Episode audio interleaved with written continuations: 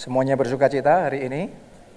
Saya tahu banyak orang di tempat ini terima berkat luar biasa hari ini. Anda nanti pulang tidak dalam keadaan yang sama, tapi kepenuhan Roh Kudus sudah terjadi dalam hidup saudara. Dan saya tahu sangat banyak, saya nggak ngomong beberapa, di ibadah ini sangat banyak akan terima jawaban doa, terima mujizat, terima keajaiban terjadi dalam hidup saudara. Amin. Haleluya. Saya akan lanjutkan firman Tuhan yang kita mulai minggu lalu, yaitu tentang angin profetik Roh Kudus. Ya, minggu lalu kita baca satu ayat yang jadi dasar dari khotbah bulan ini dari Yeskiel 37. Kita baca ulang ya ayat yang ke-9. Maka firmannya kepadaku, bernubuatlah kepada nafas hidup itu. Nah, nafas hidup itu minggu lalu kita sudah belajar dalam Alkitab bahasa Inggrisnya Anda bisa melihat itu diterjemahkan, ditulis sebagai the wind, angin. Ya dalam bahasa aslinya itu ruah. Ruah itu kadang diterjemahkan angin, kadang diterjemahkan roh. Oke, makanya di sini artinya angin roh kudus. Ya, jadi nafas hidup ini angin roh kudus, angin profetik, angin ilahi. Bernubuatlah kepada nafas hidup itu, bernubuatlah hai anak manusia. Dan katakanlah kepada nafas hidup itu, beginilah firman Tuhan Allah. Hai nafas hidup, Hai angin roh kudus, angin profetik, datanglah dari keempat penjuru angin. Oke, sampai di situ dulu. Jadi ada yang namanya keempat penjuru angin. Minggu lalu kita sudah belajar bahwa ketika angin itu berhembus, maka tulang-tulang kering itu yang dia lihat di lembah, maka mereka dihidupkan menjadi barisan tentara Allah yang besar. Ya. Nah, tapi ternyata saudaraku ditulis di sini nafas hidup itu, angin Roh Kudus itu datangnya dari keempat penjuru angin. Berarti ada yang dari utara, dari selatan, dari timur, dari barat, itu berhembus bersama-sama, maka tulang-tulang kering itu menjadi hidup kembali, jadi barisan tentara Allah yang besar. Nanti saudara boleh baca uh, perikop ini dengan lengkap di rumah. Ya, tapi ternyata waktu kita lihat lagi lebih detail, itu bukan sembarangan angin itu berhembus. Berhembusnya dari keempat penjuru angin. Ya, itu sebabnya mulai dari minggu ini sampai dengan minggu terakhir dari bulan ini kita akan belajar tentang keempat penjuru angin ini. Karena ada angin roh kudus yang berhembus dari utara, dari selatan, dari timur, dari barat, Ya, ketika berhembus maka sesuatu yang ajaib terjadi. Berarti ada angin utara Roh Kudus. Ada angin selatan, ada angin timur dan angin barat. Angin profetik yang berhembus dari keempat penjuru mata angin. Ini membawa kehidupan, membawa revival. Membawa kebangkitan. Nah saya yakin sementara Anda mendengarkan firman Tuhan hari ini. Ini bukan cuma khotbah biasa, tapi di dalam alam spiritual angin roh kudus itu yang berhembus atas saudara. Oke, ketika angin itu berhembus, sesuatu pasti terjadi. Nah hari ini yang akan saya bagikan kepada saudara adalah the north wind of the Holy Spirit. Angin utara roh kudus. Ya, Mari kita baca Yeskiel 1 ayat 4 dan ayat 5. Terus kemudian nanti kita lompat ayat 26, 27, dan 28. Mari kita lihat angin utara itu artinya apa? Bicara tentang apa? Angin utara roh kudus itu. Saya bacakan buat saudara, dimulai ayat yang keempat. Lalu aku melihat, sungguh angin badai bertiup dari mana? Dari utara. Jadi kali ini secara spesifik, ini bicara tentang angin roh kudus yang dari utara. Nah apa artinya itu? Anda perhatikan dan membawa segumpal awan yang besar dengan api yang berkilat-kilat. Anda teliti ya, ini deskripsinya tentang angin utara. Dan awan itu dikelilingi oleh sinar di dalam Di tengah-tengah api itu kelihatan seperti suasa mengkilat. Dan di tengah-tengah itu juga ada yang menyerupai empat makhluk hidup dan beginilah kelihatannya mereka, mereka menyerupai manusia. Sekarang ayat 26 sampai 28. Di atas cakrawala yang ada di atas kepala mereka ada menyerupai tata yang kelihatannya seperti permata lazurit. Dan di atas yang menyerupai tata itu ada yang kelihatan seperti rupa manusia. Ayat 27. Dari yang menyerupai pinggangnya sampai ke atas, aku lihat seperti suasa mengkilat. Kayak tadi ya, ada suasa mengkilat. Dan seperti api yang ditudungi sekelilingnya. Dan dari yang menyerupai pinggangnya sampai ke bawah, aku lihat seperti api yang dikelilingi sinar. Oke, sekarang ini kesimpulannya ayat 28. Saudara perhatikan, dari semua yang kita baca, detail-detail macam-macam itu, Ya, kesimpulannya ayat 28. Seperti busur pelangi yang terlihat pada musim hujan di awan-awan, demikianlah kelihatan sinar yang mengelilinginya. Ini kesimpulannya. Begitulah kelihatan gambar kemuliaan Tuhan. Oke, tatkala aku melihatnya, aku sembah sujud. Lalu ku dengar suara dia yang berfirman. Sampai di situ. Saudaraku kalau Anda baca ayat ini dengan teliti, maka saudara akan menemukan, ngerti seperti apa kemuliaan Tuhan ketika dinyatakan. Dan itu terjadinya ketika angin utara itu berhembus. Jadi angin utara ini bicara tentang the glory of God. Tentang kemuliaan Tuhan yang deskripsinya tadi sudah saudara baca itu.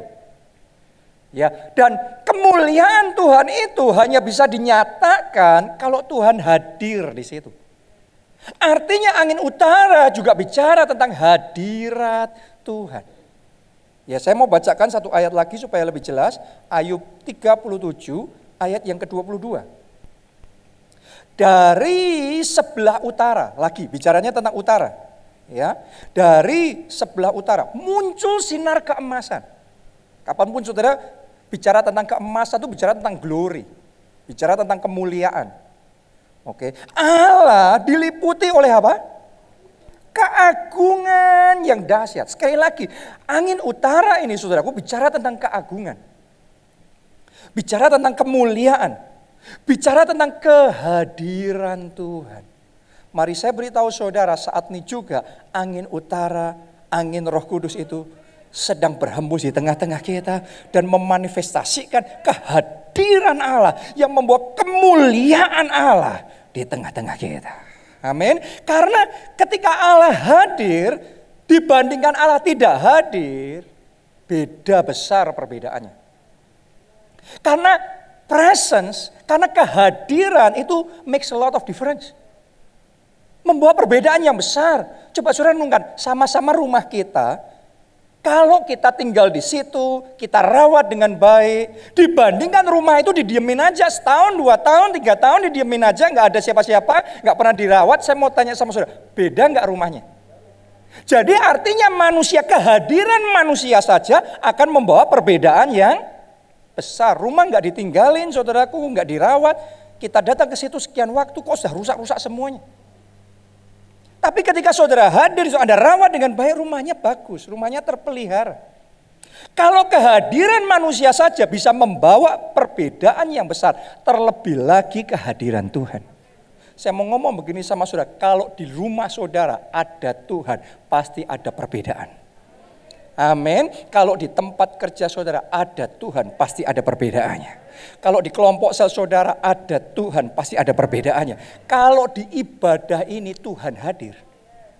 Kalau sementara saya khotbah, Tuhan hadir. Maka Tuhan yang akan membuktikan bahwa dirinya ada di tengah-tengah kita. Maka pasti terjadi kuasa mujizat yang dimanifestasikan di tengah-tengah kita. Amin. Kecuali Tuhan gak hadir. Kalau Tuhan gak hadir, saya ngomong satu jam, boleh sampai ngomong berbusa, tapi nothing will happen. Gak akan terjadi apa-apa. Tapi kalau Tuhan hadir dan Anda percaya, dan dia benar-benar hadir, Maka hari ini akan ada banyak orang di tempat ini. Anda tidak pulang dalam keadaan sama. Hari ini terima mujizat, terima jawaban doa, terima keajaiban jadi dalam hidup saudara. Mari kita kasih tepuk tangan yang meriah buat Tuhan. Yang kalau dia hadir, dia akan membawa perbedaan dalam hidup kita. Ya, orang bisa tampaknya luar biasa, kita bisa tampaknya hebat. Tapi kalau Tuhan undur dari kita, Tuhan Tuhan nggak lagi ada dalam hidup kita, kita jadi nothing. Ya, jadi kita harus sadar kalau saudara bisa ada sebagaimana Anda sekarang, semuanya karena Tuhan. Semuanya karena anugerah dan kasih karunia Tuhan. Semuanya karena Tuhan hadir. Masih ingat nggak saudara kisah Simpson? Ya, Simpson pahlawan kuat. Pahlawan yang hebat. Punya kekuatan yang super. Dia sendirian melawan begitu banyak musuh dan dia bisa menang. Ini orang yang sangat luar biasa sekali. Sayangnya dia tidak jaga diri. Dia jatuh dalam dosa, bukan cuma itu, dia betah banget tinggal dalam dosa. Anda harus bisa membedakan antara jatuh dalam dosa dan tinggal dalam dosa. Beda, ya. Jadi kalau ada di tempat ini saudara digoda bisa saja saudara jatuh dalam dosa. Tapi setelah itu saudara cepat bertobat. Ada sebagian orang jatuh dalam dosa, tapi terus nyaman di situ. Oke, tinggal dalam dosa. Nah, Tuhan tuh punya waktu. Ada yang namanya kasih karunia, ada yang namanya anugerah. Jadi, saudara jatuh dalam dosa, Tuhan kasih waktu untuk bertobat. Tuhan kasih waktu untuk kita sadar dan meninggalkan dosa. Tapi ada waktunya.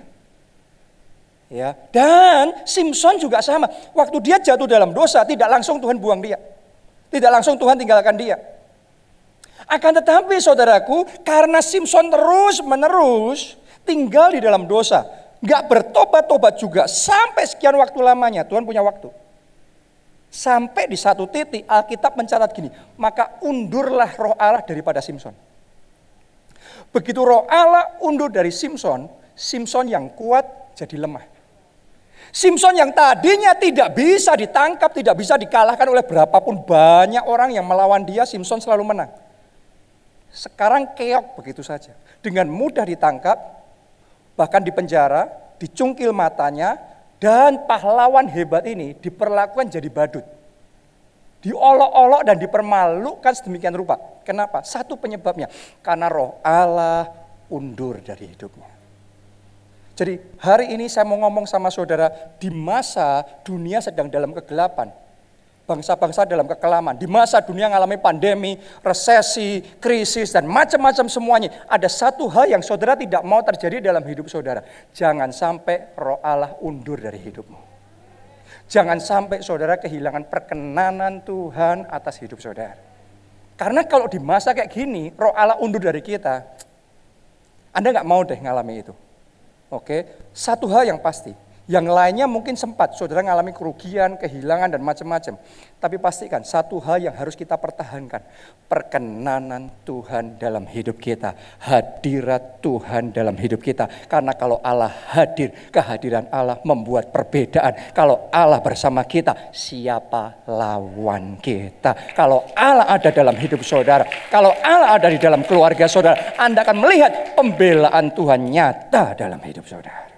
Jangan sampai kehilangan kehadiran Allah dalam hidupmu. Hari ini bicara kehadiran Allah, pastikan kehadiran Allah itu ada dalam hidup saudara. Raja Saul, dia raja pertama bangsa Israel yang ketika diangkat, wow, semua orang kagum, semua orang memuji dia. Dan dia diurapi, dia disertai Tuhan. Dia kalau pergi berperang selalu menang. Menang, menang. Saya mau ngomong begini, kalau Tuhan ada bersama saudara, semua yang Anda kerjakan jadi, jadi, jadi. Benar apa tidak? Tapi kalau kita nggak jaga hidup kita, kita nggak dengar-dengaran akan Tuhan. Tuhan undur dari kita. Itu dicatat. Tuhan undur dari Saul. Dia nggak taat, dia nggak dengar-dengaran, dengar-dengaran uh, petunjuk Tuhan. Akhirnya roh Allah undur. Begitu roh Allah undur, Alkitab mencatat gini. Saul gampang banget jadi takut. Tadinya dia pemberani. Sekarang sebentar-sebentar takut, gampang sekali takut. Jadi kalau ada di antara saudara saat ini dicekam dengan ketakutan, Saudara perlu cek apakah saudara benar-benar yakin Tuhan ada dalam hidup saudara. Kalau saudara hidup di dalam ketakutan, saya mau ngomong begini. Ya, saudara tahu Tuhan ada bersama dengan saudara, tapi saudara tidak tahu Tuhan ada bersama saudara. Kok aneh? Tahu tapi nggak tahu. Banyak orang Kristen tahu di pikirannya, teori tahu. Nama Tuhan Immanuel, Allah beserta kita. Tapi kalau dalam spiritmu, engkau nggak connect sama spiritnya Tuhan Engkau nggak tahu bahwa Tuhan itu bersama dengan saudara. Hidup saudara gampang takut. Baca berita sedikit, wah yang positif COVID naik. Wah, takut lagi. Dengar berita apa lagi takut lagi. Ya, di tempat umum apa itu namanya penularannya banyak, wah takut. Di pasar penularannya banyak, wah takut. Di perkantoran Penularannya banyak, wah takut di rumah. Ternyata penelitian yang terakhir ngasih tahu kita di rumah tempat penularan paling hebat. Terus mau di mana kita? Orang kalau di luar hadirat Tuhan isinya takut. Tapi kalau saudara ada dalam hadirat Tuhan, saya mau ngomong begini, kalau Tuhan di samping kita, bersama kita, sekelilingmu yang lain boleh covid, boleh macam-macam yang aneh-aneh itu. Tapi kalau Tuhan bersama saudara, engkau akan bisa ngomong seperti Daud. Tuhan, gembalaku yang baik. Sekalipun aku berjalan dalam lembah kekelaman. Sudah tahu nggak dalam bahasa Inggrisnya lenggah, lembah kekelaman itu ditulis sebagai the shadows of death. Itu bayang-bayang maut. Jadi sekelilingnya maut, sekelilingnya sakit penyakit, wabah mungkin, macam-macam bahaya. Tapi pemasmur ngomong, sekalipun aku berjalan dalam bayang-bayang maut, tapi aku tidak takut bahaya sebab gadamu dan tongkatmu yang menjaga aku, yang menyertai dan melindungi aku. Kalau saudara benar-benar percaya Tuhan bersama dengan saudara, Tuhan pasti jaga hidup saudara. Tuhan yang jaga hidup saudara. Jadi pastikan dalam hidupmu jangan keluar dari hadirat Tuhan. Ada dalam hadirat Tuhan. Jangan sampai kehilangan perkenanan Tuhan ada dalam perkenanan Tuhan. Hidup dalam kebenaran. Waktu Anda mendengarkan firman Tuhan ini, saya yakin Roh Kudus akan mengingatkan beberapa hal dari hidup saudara yang saudara perlu perbaiki. Ya, memang setiap orang nggak terluput dari kesalahan. Tapi hari ini jangan keraskan hati saudara, buka hati saudara. Kalau Roh Kudus ingatkan untuk kita tinggalkan dosa atau sesuatu, hari ini ambil keputusan Tuhan, aku mau tinggalkan dosa. Tuhan ampuni dosaku. Begitu dosa saudara diampuni, perkenanan Tuhan kembali, Tuhan hadir dalam hidup saudara, maka yang tadinya tidak bisa jadi bisa. Yang tadinya gagal, Tuhan akan ubah saudara jadi berhasil. Tuhan akan sertai saudara, Tuhan akan urapi saudara, yang diperbuat tangan saudara dijadikan berhasil. Yang percaya katakan amin tiga kali. Amin. Amin. Amin. Tepuk tangannya pula yang paling meriah buat Tuhan kita. Haleluya. Amin. Jadi Tuhan hadir dan Tuhan tidak hadir itu beda. Karena itu saya sangat bersyukur. Anda rasakan nggak? Dalam alam roh ini angin itu sedang berambus. Angin yang membawa hadirat Tuhan itu sedang berambus. Oke dan sementara firman Tuhan disampaikan, saya yakin banyak di antara saudara merasakan kehadiran Tuhan saat ini juga di mana Anda berada. Dan ketika hadirat Tuhan itu dimanifestasikan dalam hidupmu, maka sesuatu pasti terjadi. Ya, ketika angin utara berhembus, sesuatu pasti terjadi. Kita baca Amsal 25 ayat 23a. Saya bacakan ya. Angin utara membawa hujan. Wow. Jadi kita sudah bicara tadi, angin utara itu bicara tentang hadirat Allah. Kemuliaan Allah. Ternyata ketika angin itu berhembus, ketika hadirat Tuhan dimanifestasikan, dicatat di sini, angin utara membawa apa? Hujan. Kalau hujan turun, maka ada kesegaran. Kalau hujan nggak turun, kekeringan. Sekian tahun hujan nggak turun kering banget. Tapi begitu hujan turun, maka yang tadinya kering akan dibuat jadi segar. Tahukah saudara, hadirat Allah yang sekarang Anda rasakan ini, ini nggak main-main. Karena ketika engkau buka hatimu saat ini dan hadirat Allah itu dimanifestasikan dalam hidup saudara.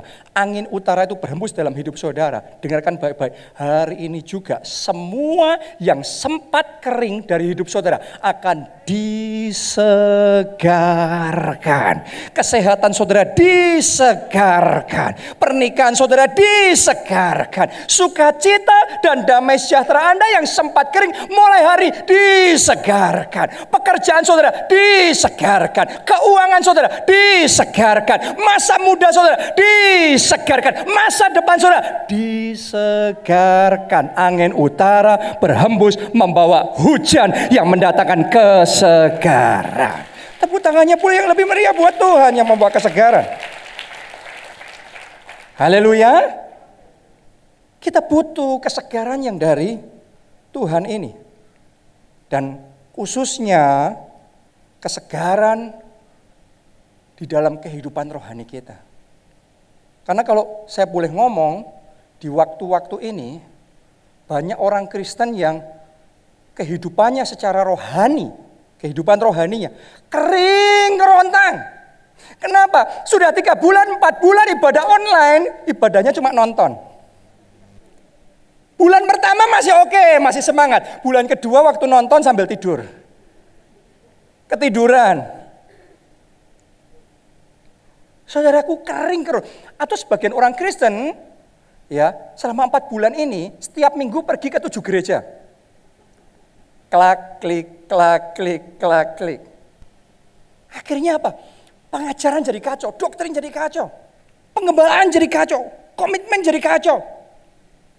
Saudaraku nggak sehat. Ya, akhirnya ngalami kekeringan rohani. Diakui nggak diakui banyak orang Kristen yang hari-hari ini rohnya suam. Imannya melempem. Tapi saya mau katakan, saya bawa berita baik buat kita semua mulai hari ini. Angin utara dari roh kudus datang berhembus dalam hidup saya. Membawa hujan yang mendatangkan kesegaran. Mulai hari ini imanmu yang sempat kering disegarkan kembali. Mulai hari ini manusia roh saudara yang sempat padam dibangkitkan kembali. Mulai hari ini api roh kudus, api semangat dalam hati saudara dinyalakan dinyalakan. Boleh katakan amin. Kita kasih tepuk tangannya yang meriah buat Tuhan. Disegarkan, disegarkan, disegarkan, disegarkan hidup saudara. Amin. Dan kalau kehidupan rohmu sudah disegarkan, saudara harus tahu itu nggak main-main. Karena begitu kehidupan rohani disegarkan, iman disegarkan. Iman itu yang menarik kuasa Allah bekerja. Iman itu yang memanifestasikan janji Tuhan. Hari ini saya mau katakan, angin utara roh kudus yang tadi berhembus membawa hujan kesegaran akan mendatangkan hujan berkat dalam hidup saudara. Oke, tanpa hujan yang dari Tuhan, nggak ada berkat. Kita baca dulu kejadian 2 ayat yang kelima. Kejadian 2 ayatnya yang kelima. Belum ada semak apa pun di bumi, belum timbul tumbuh-tumbuhan apa pun di padang. Jadi nggak ada yang timbul, nggak ada buahnya, nggak ada hasilnya. Kenapa? Sebab Tuhan Allah belum apa? Menurunkan hujan ke bumi. Dan belum ada orang untuk mengusahakan tanah itu. Jadi yang namanya hasil itu muncul kalau Tuhan ngasih hujan dan kalau ada orang yang mengusahakan. Dua syarat harus terpenuhi. Ada orang yang cuma nunggu hujannya Tuhan, tapi nggak mau kerja, nggak mau fight, nggak mau berjuang. Anda nggak akan lihat apa-apa. Tapi sebaliknya ada orang yang kerja, kerja, kerja, kerja. Saya mau ngomong sama Anda boleh berusaha kayak gimana pun. Kalau Tuhan belum menurunkan hujan, nggak ada yang jadi. Hari ini saudara yang mau bangkit berjuang, saya punya berita baik buat saudara. Angin utara sedang berhembus dan angin itu sedang mendatangkan hujan dan hujan yang dia bawa hujan berkat terima itu dengan iman dalam nama Tuhan Yesus hujan berkat atas hidup saudara. Mulai hari ini tercurah. Ya, saya bacakan ini janji Tuhan di Yeskiel 34 ayat 26 sampai 30. Ini janji Tuhan luar biasa sekali. Tuhan ngomong begini, Aku akan menjadikan mereka dan semua yang di sekitar gunungku, berarti yang ada dalam hadirat Tuhan, ya menjadi berkat. Anda kalau di dalam hadirat Tuhan, Tuhan jadikan saudara blessings. Saudara akan disebut blessing. Anda akan kepenuhan dengan blessing. Amin. Lanjutkan. Aku akan menurunkan hujan pada waktunya. Sekarang waktunya. Sekarang, bukan nanti, bukan akan. Sedang terjadi. Saya berdoa Anda terbuka rohnya dan Anda bisa menerima hujan ini. Karena kalau Anda menerima hujan ini, ada perbedaan yang akan terjadi dalam hidupmu.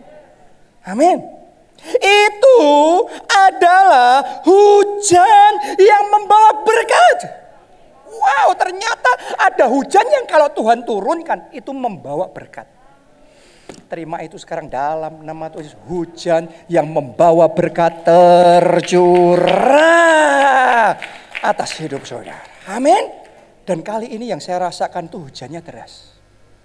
Yes. Kalau Tuhan mau memberkati saudara, Tuhan tidak nunggu resesi lewat dulu. Tuhan nggak butuh resesi lewat dulu. Justru waktu resesi itu momen terbaik kuasa Allah didemonstrasikan. Ketika itu terjadi dalam hidup saudara, orang nggak bisa ngomong apa-apa. Kalau terjadinya di masa gini, pastilah Tuhan yang mengerjakannya dan nama Tuhan dipermuliakan. Amin akan ada banyak orang di tempat ini. Anda akan jadi saksi-saksi Kristus yang luar biasa. Bahwa yes, tahun ini tahun kemuliaan Tuhan. Ya, janji Tuhan ya dan amin. Firman Tuhan tetap untuk selama-lamanya. Amin. Langit bumi boleh berlalu. Tapi firman Tuhan tetap selama-lamanya. Tuhan nggak butuh nunggu wabah ini lewat dulu, vaksin ditemukan dulu. It's not his concern. He's, he's above. Dia jauh melampaui semua situasi kondisi ini. Dia jauh melampaui COVID-19. Tuhan mengolok-olok dan menertawakan COVID-19. Buat Tuhan gak ada apa-apanya. Kalau Tuhan nyatakan kemuliaannya, Tuhan gak nunggu semuanya ini lewat dulu. Sekarang sembunyi dulu. anda, anda, anda yang ada di tempat ini, saya mau katakan Anda orang-orang yang paling pertama akan terima hujan yang mendatangkan berkat dari Tuhan. Anda akan mengalami keajaiban Tuhan di dalam hidup saudara. Just walk by faith. Berjalan dengan iman. Berjalan dengan iman seperti Petrus, nggak perlu nunggu airnya tenang apa airnya sedang uh, apa badai besar, gelombang besar. Gak ada masalah buat Tuhan Yesus, mau badai besar, mau air tenang, dia bisa berjalan di atas air. Yang membuat Petrus tenggelam karena dia tergoncang imannya. Berapa banyak orang kehilangan mujizat, berapa banyak orang terpuruk berapa bulan ini, banyak orang Kristen sedang tergoncang imannya. Bukan karena Yesus yang berubah, Yesusmu nggak berubah. Firman Tuhan tidak berubah, tapi kadang kita kehilangan kepercayaan, sempat tergoncang imannya. Makanya kehilangan mujizat itu. Tapi hari ini bangkit dalam iman. Hari ini bangkit dalam iman. Ingat baik-baik, badainya boleh besar, ombaknya besar. Tapi Yesusmu lebih besar. Amen. Tuhanmu lebih besar. Allahmu lebih besar. Kalau engkau pandang Yesus, engkau akan melihat kemuliaannya dinyatakan. Mari kita lihat apa yang terjadi ketika hujan berkat itu dicurahkan. Anda mau apa yang akan terjadi? Anda mau tahu apa yang akan Anda alami beberapa waktu ke depan ini? Lihat, ini akan terjadi. Anda yang terima hujan berkat dari Tuhan. Mulai ayat 27. Pohon-pohon di ladang. Ini berarti pekerjaan saudara. Akan memberi buahnya. Dan tanah itu berarti usaha Anda akan memberi hasilnya. Karena ada hujan berkat dari Tuhan. Mereka akan hidup aman, tentram di tanahnya. Berarti ada perlindungan Tuhan. Mereka akan mengetahui bahwa akulah Tuhan. Pada saat aku mematahkan kayu kuk mereka dan melepaskan mereka dari tangan orang yang memperbudak mereka. Tolong dengarkan baik-baik. Anda yang terbelenggu dengan kutuk sakit penyakit. Anda yang saat ini terbelenggu dengan kuk, belenggu, hutang piutang. Saya mau katakan di dalam nama Yesus semua kuk, semua belenggu perbudakan dihancurkan. Justru di momen seperti ini kelepasan terjadi. Kemerdekaan keuangan Tuhan nyatakan di dalam hidup saudara. Anda akan melihat itu. Karena hujan yang membawa berkat itu sedang Tuhan curahkan. Lanjutkan ayat 28. Mereka tidak lagi menjadi jarahan bagi bangsa-bangsa dan binatang liar tidak akan menerkam mereka. Termasuk virus liar. Oke, okay. termasuk sakit penyakit liar. No, no, no, termasuk roh-roh jahat yang liar. Tidak akan menerkam saudara. Kenapa? Sampingmu gembala agung. Sampingmu Yesus yang mengasihi saudara. Kalau Anda tidak lepas, samping saudara nggak berubah, tapi kadang-kadang Hidup kita berubah karena iman kita tergoncang. Hari ini jangan mau tergoncang lagi, bangkit dalam iman. Percaya Yesusmu di sampingmu lebih besar. Amin. Lanjutkan, lanjutkan. Sehingga mereka akan diam dengan aman, tentram, dan tidak dikejutkan oleh apa pun. Aku akan mendirikan bagi mereka. Ini bagi saudara-saudara yang ada di tempat ini. Suatu taman kebahagiaan. Sehingga di tanah itu tidak seorang pun akan mati kelaparan dan mereka tidak lagi menanggung noda yang ditimbulkan bangsa-bangsa. Dan mereka akan mengetahui bahwa aku, Tuhan Allah mereka, menyertai mereka. Dan mereka kaum Israel adalah umatku. Demikianlah firman Tuhan Allah. Mari saya nubuatkan saudara yang ada di tempat ini. Di masa dunia sedang dalam kegelapan. Di masa bangsa-bangsa dalam kekelaman. Akan banyak orang-orang di sini. Mulai hari ini. Hujan yang mendatangkan berkat datang dalam hidup saudara. Yang Anda akan alami justru keberkatan. Kelimpahan. Kemuliaan. Tujuh kali ganda. Jadi atas saudara. Tepuk tangannya pula yang paling meriah buat Tuhan kita. Jadi itu. Jadi itu. Jangan menunggu resesi lewat. Jangan nunggu vaksin. Jangan nunggu wabah. Terima sekarang berkat Tuhan. Tuhan sanggup bekerja. Mujizat Tuhan. Tuhan sanggup lakukan. Kalau engkau percaya. Yang penting jangan kehilangan iman. Bangkit dalam iman. Sudah, saya baru saja menerima beberapa kesaksian dari jemaat kita, dari saudara, ya, yang membuktikan justru di masa kegelapan ini ada perbedaan antara orang dunia dan anak-anak Tuhan. Ya, nanti Anda kan mengalami juga secara pribadi. Ada satu yang bersaksi sama saya di masa seperti ini. Tuhan, dia baru memulai pekerjaan ya. Terus Tuhan gerakkan dia untuk mengembalikan buah sulung. Untuk memberikan itu sebagai benih profetik yang luar biasa saudaraku. Dia cerita, Tuhan kalau kerja itu ajaib. Buat dia itu nilainya besar, tapi dia kembalikan sepenuhnya. Dia ngomong. Tiga bulan kemudian, dia baru aja bersaksi, penghasilan yang dia terima itu sekarang sudah Tuhan buat jadi sepuluh kali ganda. Di saat resesi, di saat krisis, 10 kali ganda itu berarti 1000 persen. Oke, jadi kalau saya ngomong sama saudara, pemulihan dua kali lipat, pemulihan tujuh kali ganda, Anda nggak usah pusing sama angkanya. Karena Tuhan kita tuh unlimited. He is the unlimited God. Kalau saudara percaya tanpa batas, itu tanpa batas. Anda bisa ngalami dua kali lipat, tujuh kali lipat, sepuluh kali lipat, unlimited. Terjadi dalam hidup saudara. Ada satu lagi jemaat kita, sekian waktu yang lalu dia ngikutin live streaming saya di GSM. Ya, terus dia dibangkitkan imannya dan dia percaya walaupun dunia dalam kekelaman, bangsa-bangsa ada di dalam kegelapan, tapi buat anak-anak Tuhan kemuliaan. 2020 tetap tahun kemuliaan. Kayaknya mustahil, tapi dia deklarasi profetik dia ngikuti petunjuk firman Tuhan, deklarasi profet ini pokok dalam hidupku. Terserah orang lain gimana, tapi dalam hidupku ini tahun kemuliaan Tuhan. Sudah tahu nggak? Dia baru aja ngirimkan kesaksian. Ini kan bulan Agustus, Agustus awal. Dia ini pengusaha, dia punya company, dia punya perusahaan, ya.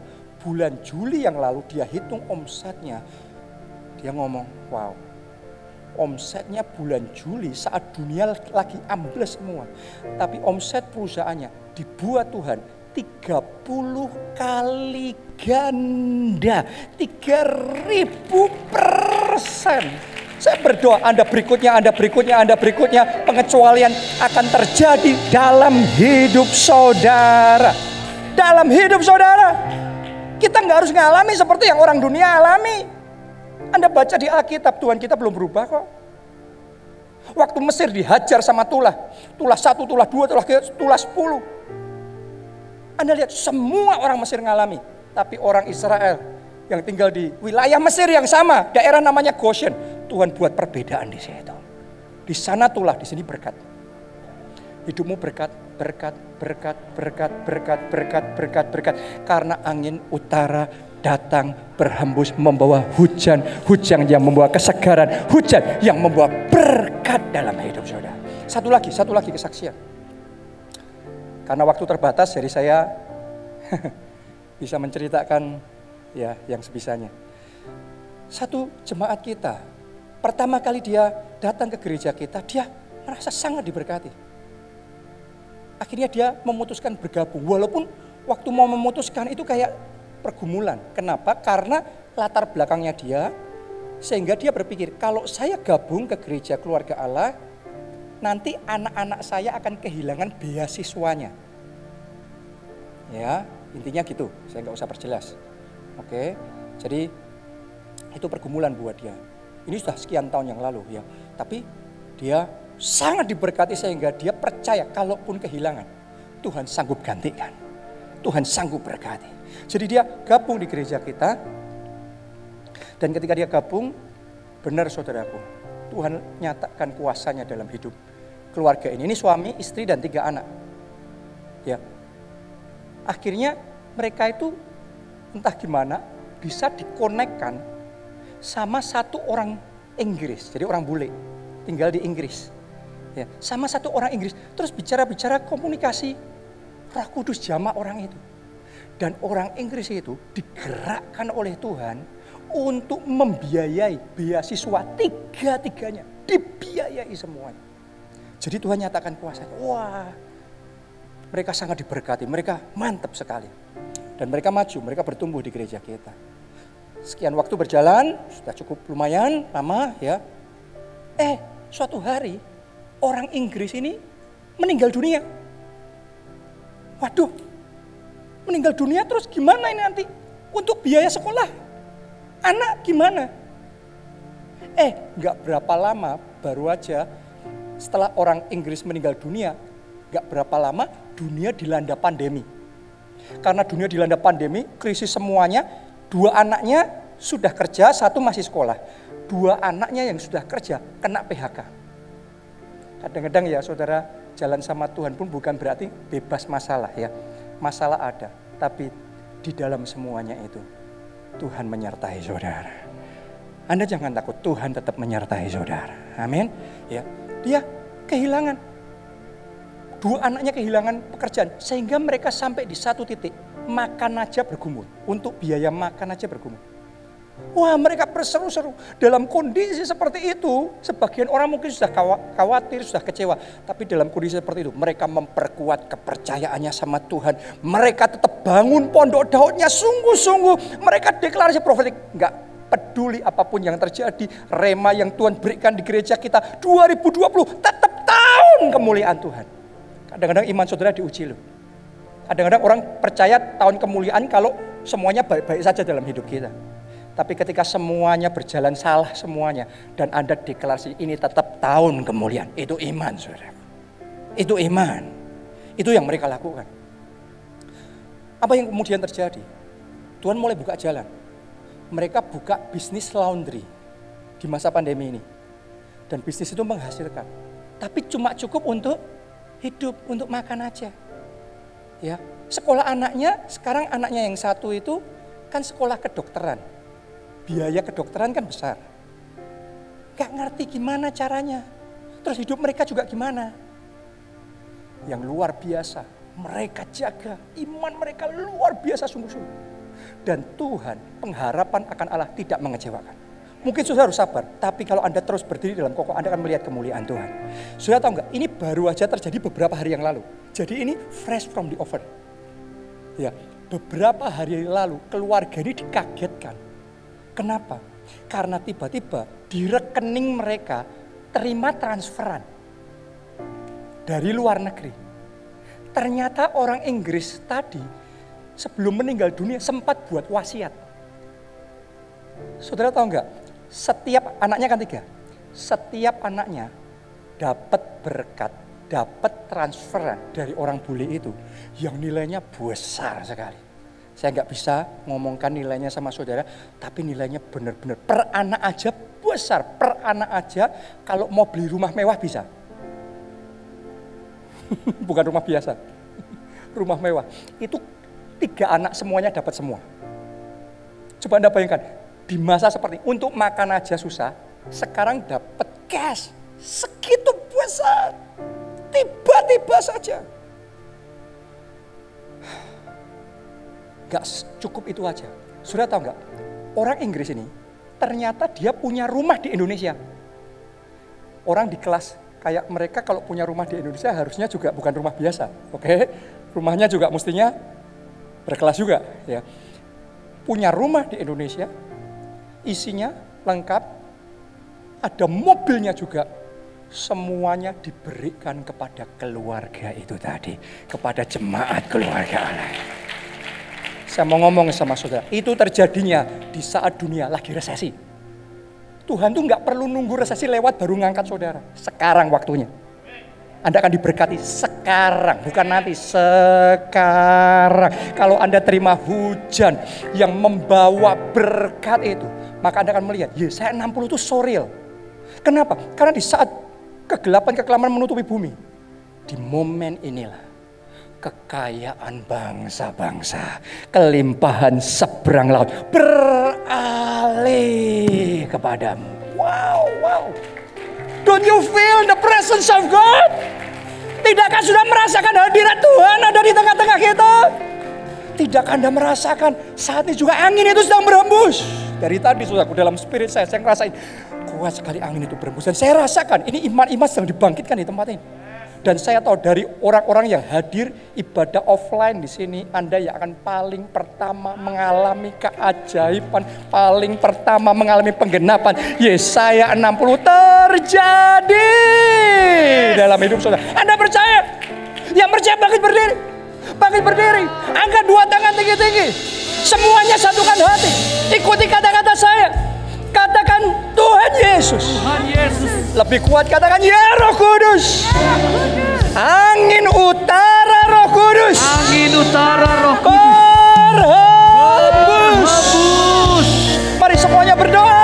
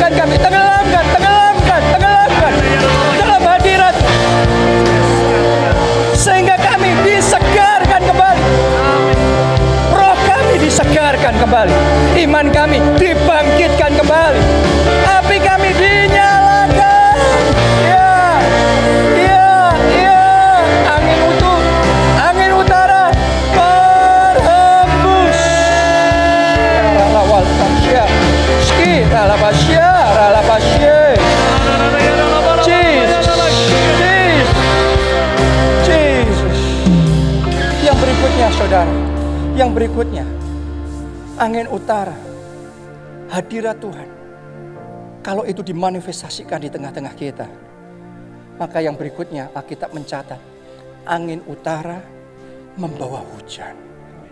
Hujan. Jadi saat ini saya ingin ajak saudara terbuka dalam roh dan mulai dengan iman. Terima hujan yang dari Tuhan. Hujan yang mendatangkan kesegaran. Hujan yang mendatangkan berkat. Karena kalau hujan itu tercurah dalam hidupmu. Tadi ayat yang kita baca itu. Akan terjadi dalam hidup saudara. Yang mau angkat dua tangan saudara. Katakan di dalam nama Dalam Yesus. nama Yesus. Hujan kesegaran. Hujan kesegaran. Hujan berkat. Hujan berkat. Terjun